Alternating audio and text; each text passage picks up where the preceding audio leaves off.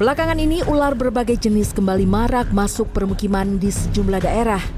Ada yang membuat heboh lantaran ditemukan di toilet sebuah rumah makan. Ada pula ular yang melilit di tower pemancar sinyal wifi. Berbisa atau tidak, reptilia ini tetap berbahaya, terutama bila yang digigit sedang dalam kondisi tidak fit. Sementara itu, gigitan ular berbisa jelas dapat menyebabkan kematian jika tidak ditangani dengan tepat. Ada beberapa hal yang bisa dilakukan saat berhadapan dengan serangan ular. Salah satu kuncinya adalah ketenangan. Sebab gerakan berlebih yang dilakukan saat panik akan memancarkan lebih banyak suhu panas. Hal itu membuat ular merasa terancam dan justru balik menyerang. Posisinya dia di lantai gitu ya mas ya, ya? kepalanya di lantai. Di lantai seperti ini, coba kita tekan dulu. Saya di. Nah di sini. Nah, nah kemudian ini saya nangkepnya dari belakang. Kita okay. setelah seperti ini, usahakan bagian jempol kita di atas. Oke, okay, itu untuk tujuannya. menutup bagian kepalanya. Oke. Okay. Kemudian yang satunya megang bagian ekornya. Ekornya, saya pegang ya mas. Silakan. Oh, supaya nggak ke mana-mana juga Betul. nih ekornya. Selama evakuasi berlangsung, sebisa mungkin jaga jarak dengan objek sekitar 2 meter untuk meminimalkan kontak dengan hewan melata ini. Pastikan pula posisi kita berada di belakang kepala ular. Apabila ular berukuran lebih kecil, evakuasi bisa dilakukan menggunakan ember yang langsung dipakai untuk mengurung ular sehingga tidak bergerak ke mana-mana. Namun ingat, tetap kenakan pakaian yang aman, terutama ketika sedang menangani ular berbisa. Lantas, apa yang harus dilakukan jika sudah tergigit ular? Ular tidak berbisa akan meninggalkan bekas gigitan gigi kecil-kecil berbentuk melengkung seperti tapal kuda dan menimbulkan perdarahan. Sementara gigitan ular berbisa hanya meninggalkan bekas dua titik dengan efek yang ditimbulkan demam dan juga nyeri. Jika sudah tergigit ular berbisa, hindari terlalu banyak bergerak karena dapat mempercepat proses penyebaran bisa ular ke dalam darah.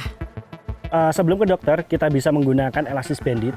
Elasis bandit ini uh, fungsinya untuk me, apa ya, memperlambat, bukan menghambat memperlambat pergerakan bisa itu menuju ke seluruh tubuh. Jadi dengan menggunakan elastis bandit tidak boleh terlalu kencang juga karena kalau terlalu kencang itu nanti kan bisa menyebabkan uh, pendarahan kita terhenti kan. Selanjutnya jangan minum minuman beralkohol ataupun berkafein. Keduanya dapat mempercepat detak jantung sehingga mempercepat penyebaran darah yang terkontaminasi bisa ular ke seluruh tubuh. Mengompres luka gigitan dengan es merupakan hal yang keliru karena darah hanya akan membeku sebentar saja bila dikompres es.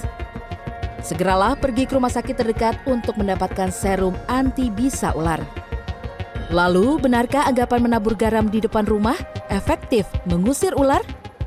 Nah, sebetulnya itu mitos, kita juga bisa buktikan karena sebetulnya ular itu tidak takut dengan garam dan itu bisa kita buktikan langsung. Sayang, karena zaman dulu mungkin orang uh, garam itu sebagai media doa.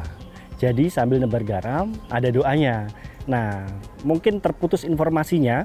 Kalau sekarang kan tinggal garamnya aja, doanya nggak ada kayak gitu kan. Mencegah lebih baik daripada mengobati.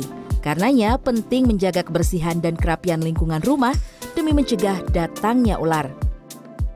Ada banyak hal yang bisa kita lakukan untuk mencegah datangnya ular masuk ke dalam rumah atau tempat tinggal kita.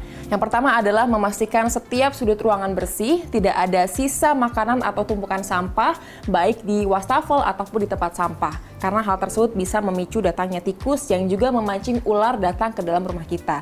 Kemudian memastikan setiap saluran air atau lubang saluran air tersebut tertutup oleh filter sehingga tidak ada celah untuk masuknya ular datang ke dalam rumah. Dan yang paling bisa dilakukan adalah memasang pewangi atau kamper berbau menyengat di kamar mandi. Sebab aroma menyengat dapat mengganggu penciuman ular yang ular tidak akan suka. Meski termasuk hewan berbahaya, ular tidak dianjurkan untuk dibunuh. Sebab hal itu dapat mengurangi populasinya dan mengganggu rantai makanan dalam ekosistem. Putih Fanfudi, Warsa, Jakarta.